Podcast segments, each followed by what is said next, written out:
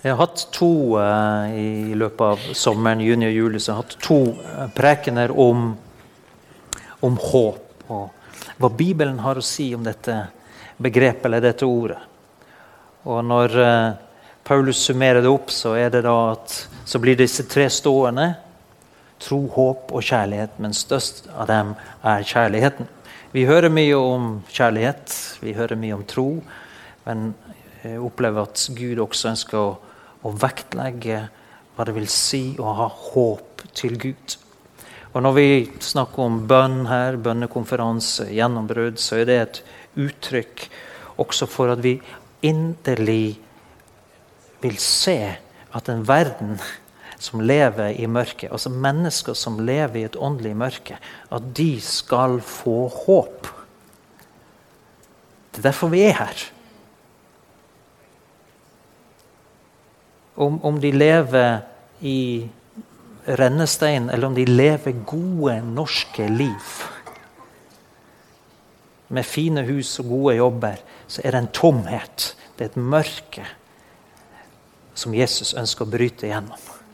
Sånn at de skal få håp og liv. Og Derfor skal jeg og du gripe etter håpet eh, som Jesus har gitt oss. Du, så, du som tror på Jesus, du har du vet i ditt hjerte at Jesus kommer igjen. At du har evig liv. Om tanker og følelser kan svirre iblant, så vet du i ditt innerste at det er sant.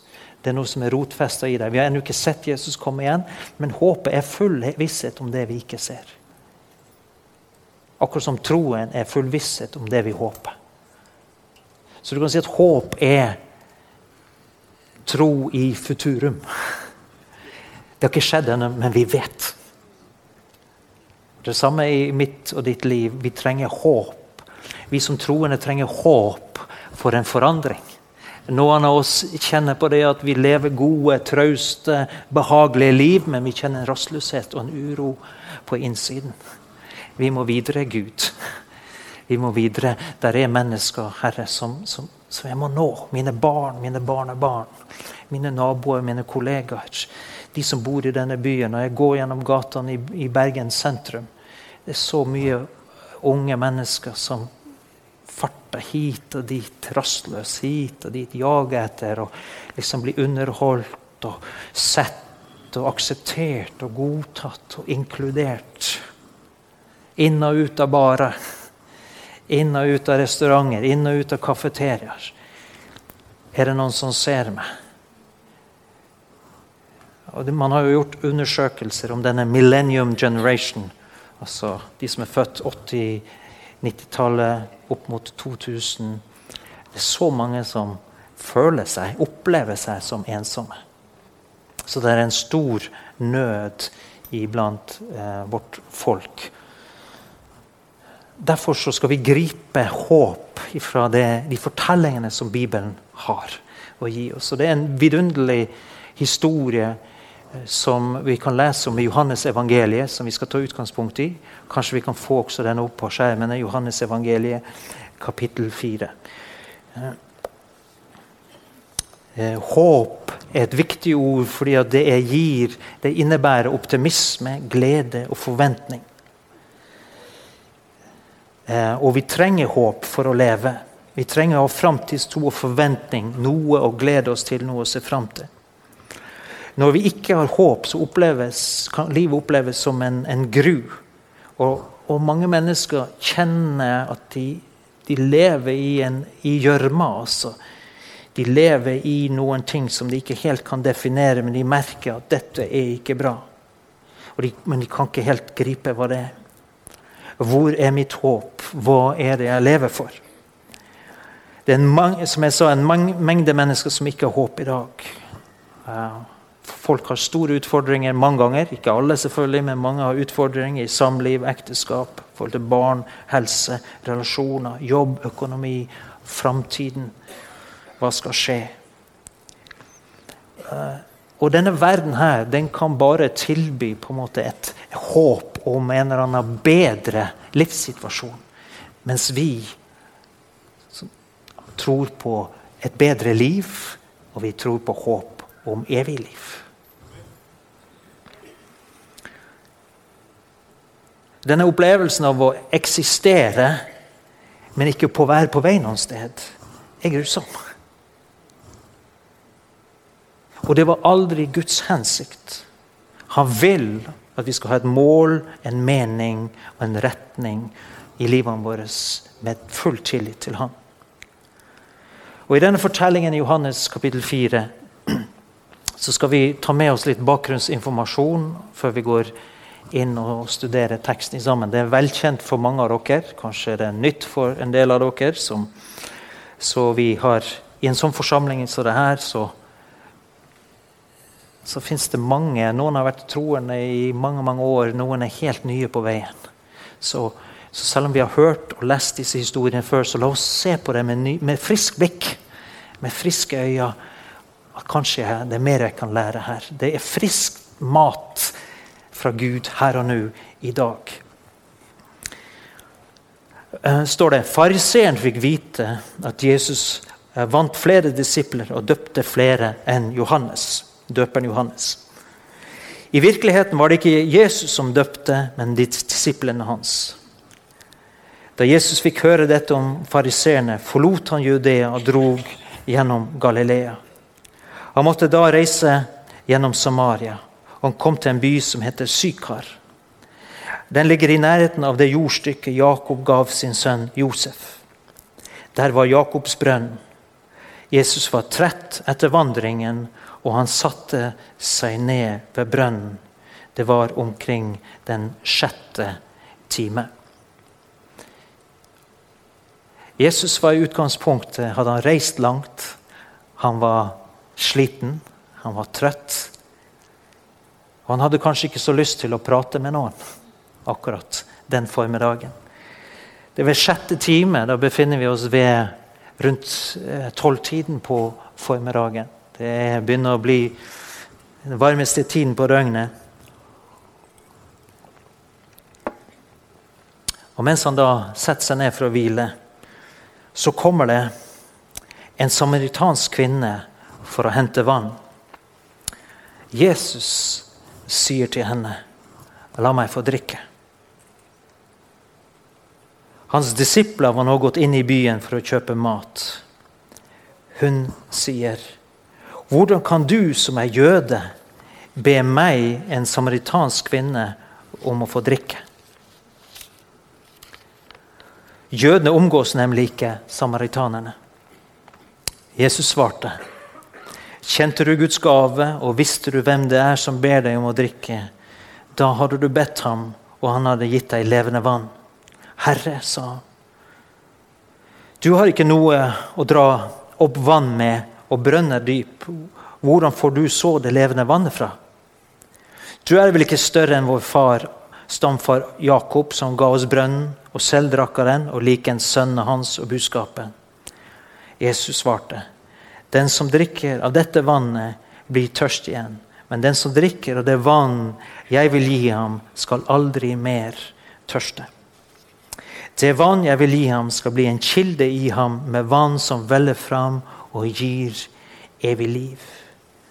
Kvinnen sier til ham, Herre, gi meg dette vannet, så jeg ikke blir tørst igjen og slipper å gå hit og dra opp vann. Da sa Jesus til henne, Gå bort og hent din mann, og kom så hit. Jeg har ingen mann, svarte kvinnen. Med rette sier du at du ikke har noen mann, sa Jesus. For du har hatt fem menn, og den du nå har, er ikke din mann. Der snakket du sant. Dette er, hvis vi setter oss inn og tenker oss litt inn i denne eh, historien og denne kvinnen, så det er en, en vakker historie. Den har egentlig en, en trasig begynnelse, men en, vi skal se etter hvert at den har en veldig god slutt. Denne kvinnen er, Ut ifra detaljer som vi leser, så skjønner vi at denne kvinnen her er egentlig en kvinne som er I det lokalsamfunnet så er hun mer eller mindre utstøtt. Hun kommer til brønnen midt på dagen fordi da er det ingen andre som er der. De andre kvinnene når de henter vann, så kommer litt tidlig på morgenen når det fremdeles er svalt. Men for å slippe å møte de andre kvinnene, så kommer hun midt på dagen.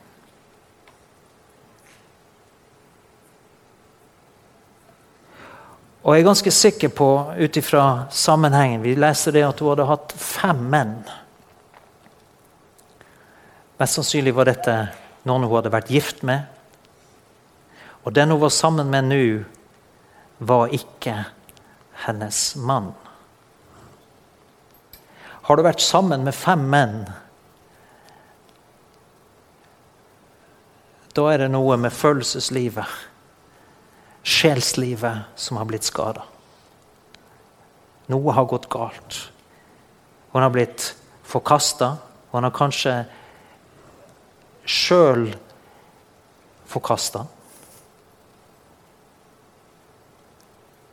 Hun har såra og har blitt djupt såra sjøl. Og i den kulturen på den tiden, hvis du hadde hatt fem menn, og så levde utenfor ekteskapet med en mann, da ble du uglesett. Da var du bygdas sladder. Når de drakk tre te rundt uh,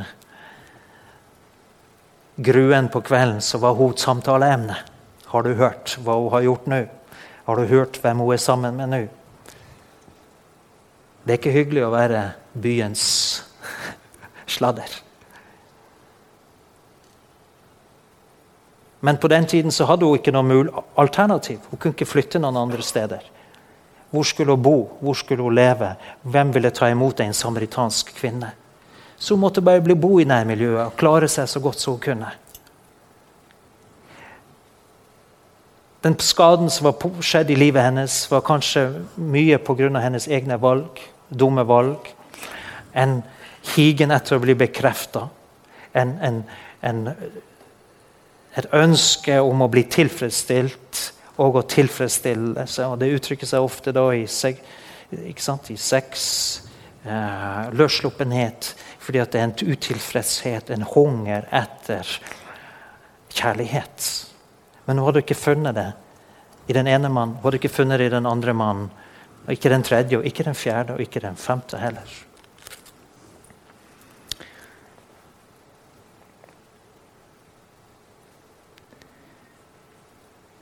Men det må jo ha vært noe attraktivt med henne likevel, siden fem menn hadde gifta seg med henne. Så hun var kanskje ei vakker, sjarmerende dame, men knust og ødelagt på innsiden.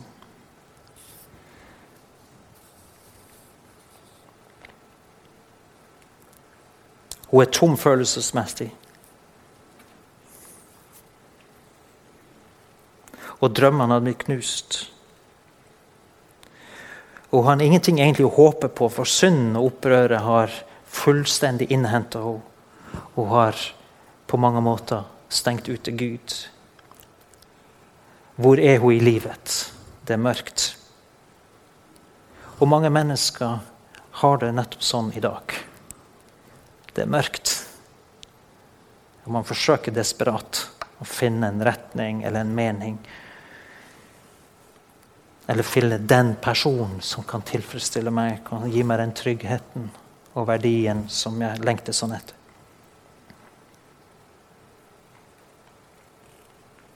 Denne dype uroen er også hvorfor en god del mennesker vi undrer oss. Hvorfor begår de kriminalitet? Hvorfor drar de hit og dit? Jo, det er fordi en, en djup, djup utilfredshet og en håpløshet som fins på innsyn. I det minste i fengsel finner de noen likesinnede. og de får mat tre ganger om dagen. Og de får se på TV, i hvert fall i norske fengsel. altså, Mennesker er iblant så desperate at de gjør nesten hva som helst bare for å få noen form for trygge rammer rundt seg. Mange mennesker vi opplever det i dag, mange mennesker krysser grenser. De drar fra kontinent, sitt hjemsted. De forlater alt de har vokst opp og kjenner til, fordi at de er desperat etter håp, etter å få et bedre liv. Og de er villige til å risikere livet, fysisk talt, for om mulig å få det litt bedre for meg og mine barn. Det er vanskelig for oss som ikke har opplevd det, å forstå. Hva, gjør det, hva får deg til å dra over i, utsette deg sjøl og dine barn for livsfare over hav, på veier med landerøvere, til et folk som ikke nødvendigvis har lyst til å ta imot deg, til et politi og en myndighet som ikke ønsker deg så ja, veldig hjertelig velkommen. Og du er desperat. Du drives av et ønske om håp.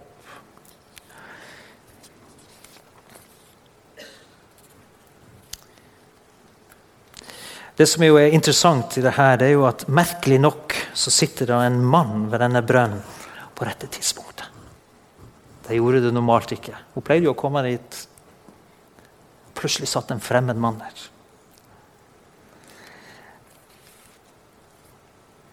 Og jeg er sikker på at hun ble sjokkert. Vi, vi, vi, kan jo ikke lese ut av teksten nøyaktig hvordan var toneleiet hennes. Her er plutselig en fremmed mann som sitter ved brønnen og som snakker til henne. En jøde og en rabbiner. Hun kunne se at det var en rabbiner på måten han var kledd også. Og Jøder og samaritanere de omgås ikke. Spesielt ikke en mann snakker ikke til en kvinne. Og jeg er sikker på hun er totalt forfjamsa. Kanskje hun reagerer med forbauselse. Kanskje hun svarer litt, nesten litt sånn eh, småaggressivt tilbake for å beskytte seg sjøl. Det kommer an på toneleiet. Vi kan tolke forskjellige ting ut av teksten. Men én ting sikkert dette skal ikke skje. Dette er ikke lov. Og hun vet det. Han der har ikke lov å snakke til meg. Er han også en sånn som de andre karene som er ute etter et eller annet?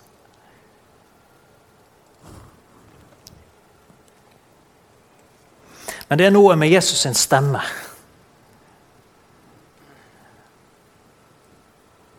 Som rører ved henne, sånn at samtalen fortsetter. Det er noe med hans vennligheten i måten han snakker til henne på, som gjør at hun våger seg på å fortsette. Og ganske snart så, så faller disse barrierene som hun har på innsiden. Piggene var ute. Selvforsvaret, frykten var der. Men det rant fort bort. For det var noe med øynene til denne karen. Kanskje hun så ned.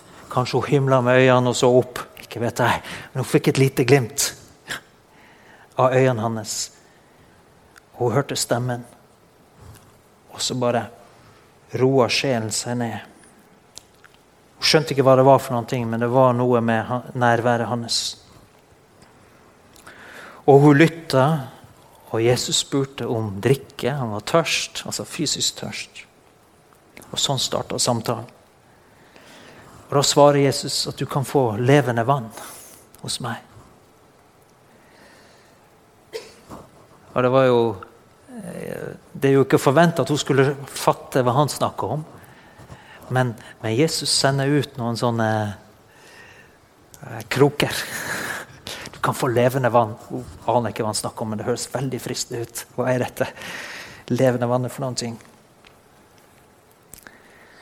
Og hun sier, 'Herre, gi meg dette vannet, så jeg ikke blir tørst igjen og slipper å gå hit og dra opp vann.' Så hun tenkte med en gang å det blir deilig å slippe å gå til denne brønnen hver dag.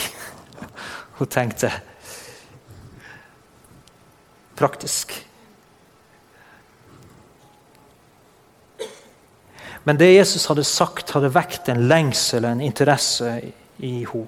Og når vi repeterer hva han sa, kjente du Guds gave, og visste du hvem det er som ber deg om drikke, da har du bedt ham, han hadde gitt deg levende vann. Den som drikker av dette vannet, blir tørst igjen, men den som drikker av det vann jeg vil gi ham, skal aldri mer tørste. Dette vann jeg vil gi ham, skal bli en kilde i ham med vann som veller fram og gir evig liv. Og så Dette høres attraktivt ut. Hun er interessert. Men så skifter Jesus plutselig tema. De holder på å snakke om levende vann. Men så stiller han et ubehagelig, eller han sier noe veldig ubehagelig, Jesus. Gå og hent din mann og kom hit med han. Hva?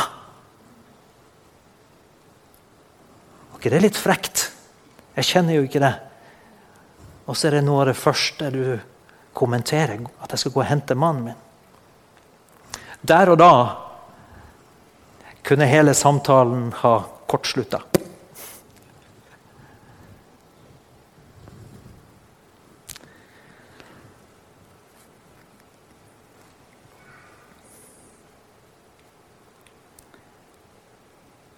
Men Jesus hun hadde kjent på noen ting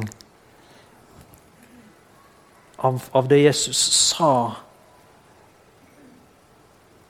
som gjorde at hun responderte. Hun var ærlig. Og sier at 'jeg har ikke noen mann'. Og da ser vi at Jesus, uten å fordømme henne og ikke kritisere henne, så sier han det er sant, det du sier. Han berømmer henne for at hun snakker sant. Dette som hun egentlig skjemtes over, og som var, ikke var greit i livet hennes. Hun bare er som ei åpen bok. Og så sier den, han mannen Og så sier Jesus han, han som du er sammen med, han er ikke mannen din, og du har hatt fem menn.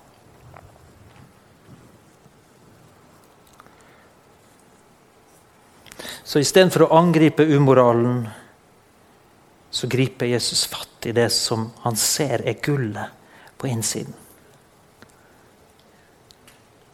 Hun var svarte, snakka sant. Men nå, vet du hun er jo, Det er jo en refleks. Som en gang så prøver hun å skifte tema igjen. Ikke sant? Du det der? Han mannen der. For Jesus litt, er litt nærgående nå. Så da er det bedre å snakke litt teologi. ikke sant? Så hun prøver seg på en liten sånn avledningsmanøver her. Herre, jeg ser at du er en profet, sa kvinnen. Våre forfedre har tilbedt Gud ved dette fjellet, og dere sier at Jerusalem er det stedet hvor en skal tilbe. Med en gang tok hun en, startet hun en teologisk diskusjon med rabbineren. Og Jesus skjønte hva som pågikk. Men istedenfor å avfeie henne og si at det her var jo tåpelig, så svarer han henne vennlig på det. Og han sier det at eh, ja, det er ikke sånn det henger sammen. Frelsen kommer fra jødene. En dag Faderen vil at vi skal tilbe Han i ånd og sannhet. Og det er ikke på dette fjellet.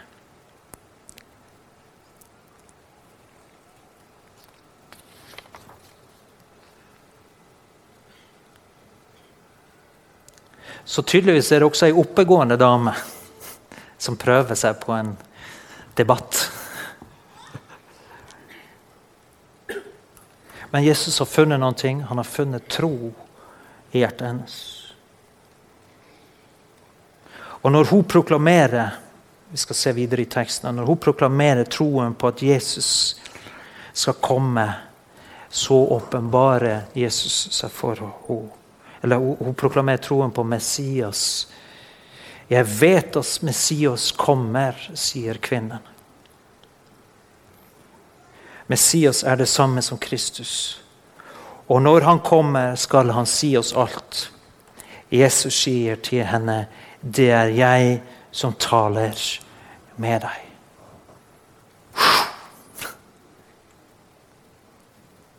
Det er jeg ego eimi.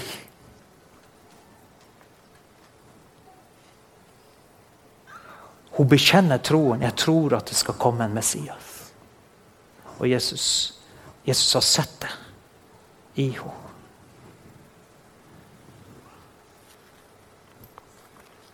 Og han åpenbarer seg for henne.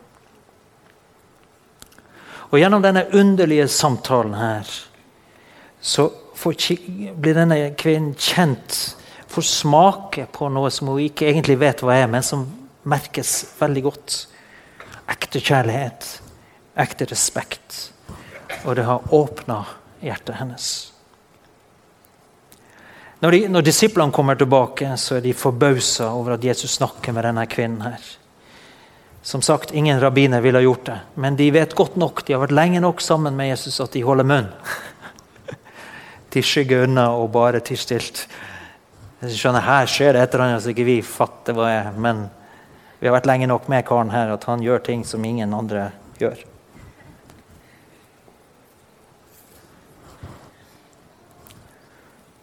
Men i løpet av denne dette hendelsen hvor disiplene kommer tilbake igjen, og de ser denne samtalen som går, så gir Skriften en interessant detalj. Det står det hun lot vannkrukken stå. Og så gikk hun inn i byen for å snakke med folk.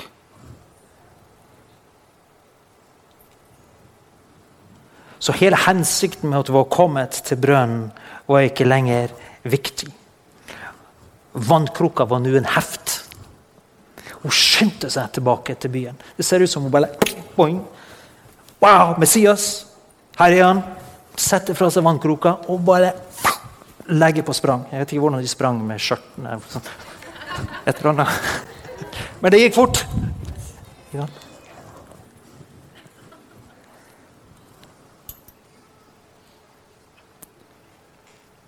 Fordi at noe bare plutselig hadde skjedd i hjertet hennes.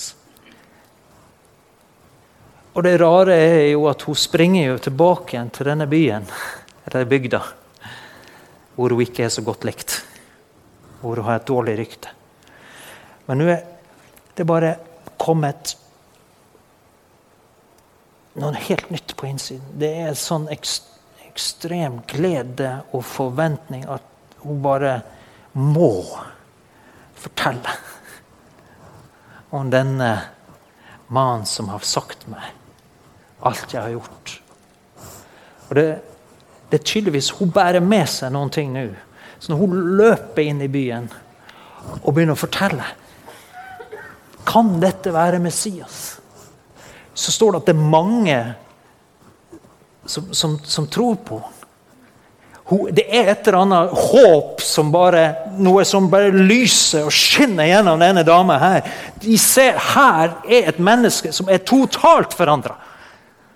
Og vi må finne ut hvem er han karen hun har møtt. For denne forvandlingen i et kort øyeblikk er så dramatisk ingen kan fornekte.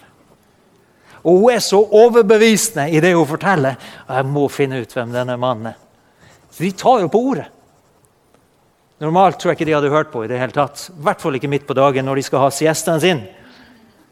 Så kommer hun her og forstyrrer dem. Nå når jeg skal sove, jeg skal ha lunsjen min! Men de ser ut som det er flere som slipper alt. Og jeg blir med henne for å møte denne mannen. Og når de sjøl får høre han, kan vi lese om, så står det at de, de nøda han. altså De, de ba han inderlig bli med oss tilbake igjen til byen. Og Da står det det at Jesus og disiplene må jo ha blitt med på slep. Forble to dager i en by hvor de absolutt ikke hadde noe å gjøre som jøder.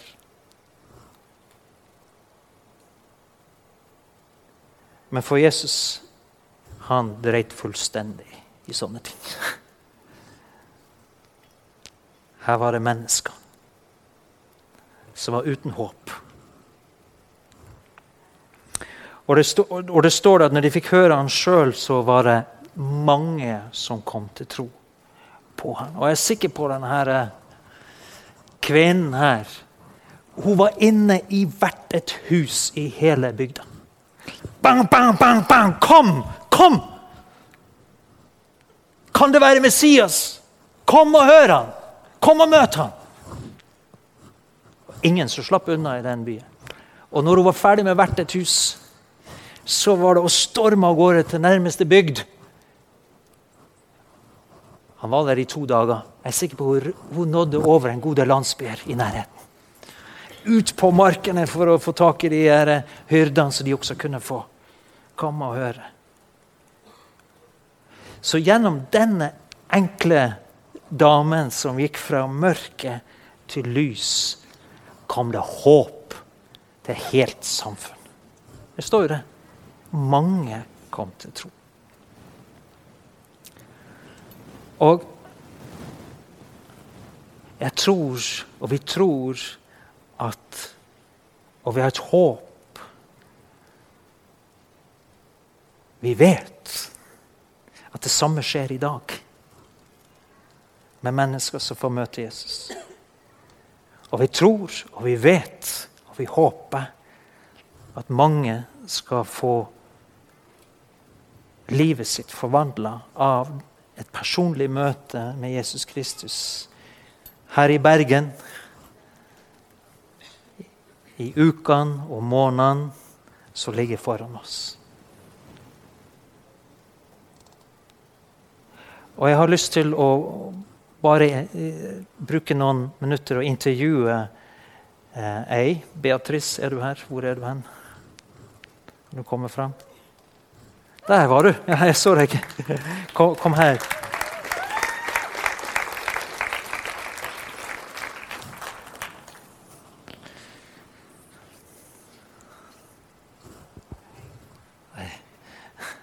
Så dette her er, Beatrice.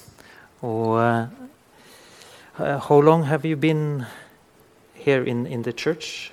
Um, almost a year now, soon. Ja, Yeah. Nesten et år. Yeah. Eh, så jeg spør på engelsk, og så oversetter på norsk. so, uh, uh, could you? There are a lot of exciting things about your life, Yeah. so so uh, the people can ask you later Okay. when they have coffee with you. okay.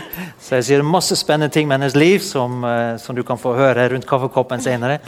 But first, uh, I know that Could you please describe the darkness or the hopelessness you experienced uh, before? um, of course. Yeah. I. Okay. uh, before in my life, I think I've talked about it, but I was. It was so hopeless, but not hope, hopeless and very empty as well. Ja, f- eh, Før i livet mitt så var det håpløst. Men ikke bare håpløst, men veldig tomt. Yeah. And I think the worst of it was yeah, coming home and just being empty. And Og det og verste var både å komme yeah. hjem og bare kjenne seg tom. yeah, there was now, I was, my life can't be, you know, going to work, coming home, paying my bills. Ja, livet bestod i å komme hjem, gå på jobb og betale regningene mine. Even if I had friends and family, something was really lacking. Selv om jeg hadde venner og familie, så var det noe som virkelig mangla. And um, for me, it was so bad. It got to a point where I contemplated suicide. Ja, for meg så ble det så ille at jeg faktisk eh, vurderte selvmord. That's how empty it was. And I think if somebody gets to that point, then, then that's, that's the rock bottom. Ja, så, så ille var det, og det er jo liksom, da, går du, da er du helt til bunns når du, når du vurderer det. But I kept hoping, and I wasn't so prayerful, but I was familiar with God, and I kept thinking, this cannot be it. There have to be much more to Yeah. live for. Men jeg hadde en bønn i meg, og, og jeg, hadde, jeg hadde hørt om Gud. Og det må finnes noe mer å leve for. And, you know, He listens without us even knowing that He listens. And Altså Han hører oss, til og med ikke er klar over at han hører oss.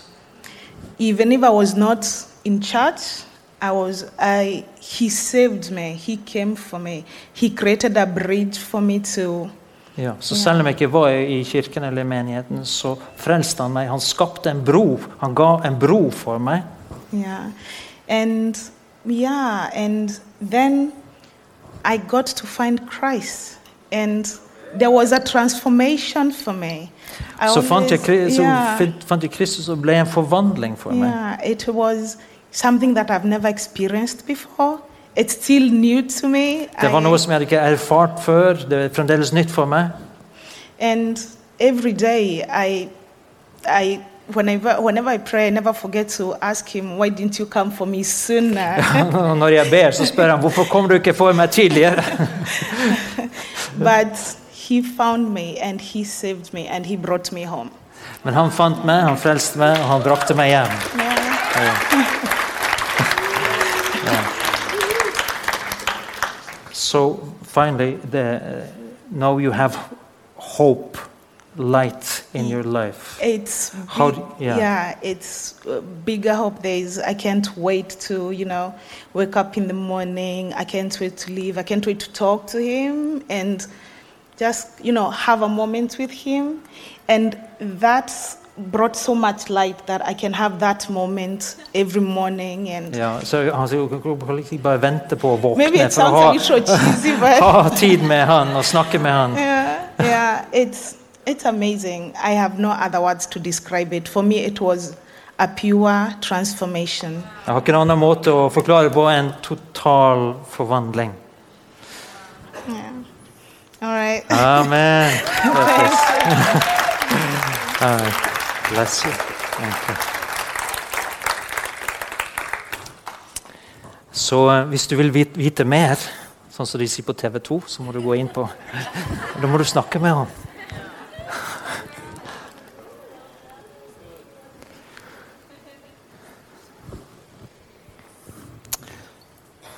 Det kan være at du er her i dag, og eh, på utsiden ser det ut som det går greit. Men på innsiden, hvis du er helt ærlig med deg sjøl, så er det noe veldig tungt. Kan det være forskjellige årsaker til det? Men jeg vet at Jesus ser det. Som han sa, til og med når du tror at han ikke hører, så hører han. Og dette lyset som, og håpet som kom inn for ett år siden, det er tilgjengelig for alle mennesker i dag. Det fins ingen unntak. Han gjør ikke forskjell på noen. Denne kvinnen som vi hørte, samaritanske kvinnen, hun var ikke kvalifisert. Men Jesus elska henne.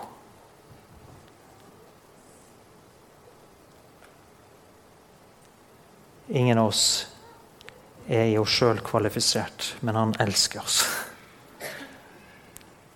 Og Derfor så betyr det ikke, ikke avgjørende hvordan livssituasjonen din er nå, men hva Jesus har gjort for deg på korset.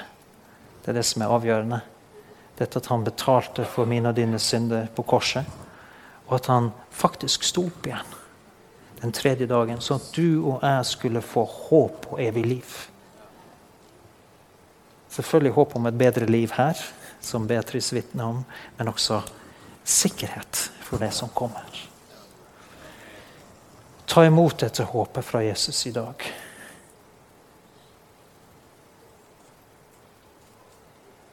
Kanskje du noen som sitter fast i synd.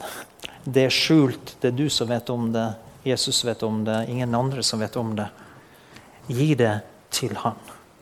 Altså, når du kommer med sann Når du svarer sant Og det er denne kvinnen. Når du svarer sant, sånn er det, til Jesus, da er nåden der også. Så lenge vi prøver å skjule det for han Det går ikke an å skjule, men vi prøver. Så er det en er det en låsning der. Men når du snakker sant, ærlig, inviterer Jesus inn i det, da er Guds, da, da er Guds nåde der. Og da kommer lyset, og da kommer håpet. Halleluja. Skal vi be sammen? Kan du eh, Der du er, der du sitter, så kan du gi gjensvar til Jesus på, det, på dette budskapet. Det kan være noen ting som han har snakka til deg om. Bare gi, du gi svar til han. Og livet ditt behøver på ingen måte være så ille stelt som denne kvinnen. Men du trenger like fullt. På samme måte som hun trenger du tilgivelse for syndene dine, og håp. Det vet du så inderlig vel. Så Herre, jeg takker deg for alle som er til stede her, og som hører dette budskapet, og alle på podkast eller på MP3 som hører dette budskapet. Herre Jesu Kristi navn, la det komme lys og håp inn i deres liv og inn i deres situasjon. Jeg takker Herre, for denne forvandlingen som, som vi leser om i Bibelen, og som vi hører vitnesbyrd om her. Dette er for i dag. Dette er for hvert menneske som påkaller ditt navn. Derfor skal du høre, Herre, være en røst, et sukk som går opp til deg i denne, dette lokalet nå, Herre. I Jesu Kristi navn så takker jeg. La lys og håp komme inn i hjertet, Herre. Og i hver krok, og i hvert sinn, og i hver følelse. La håp og lys og nåde komme og opplyse sjelen og gi liv til ånden, Herre.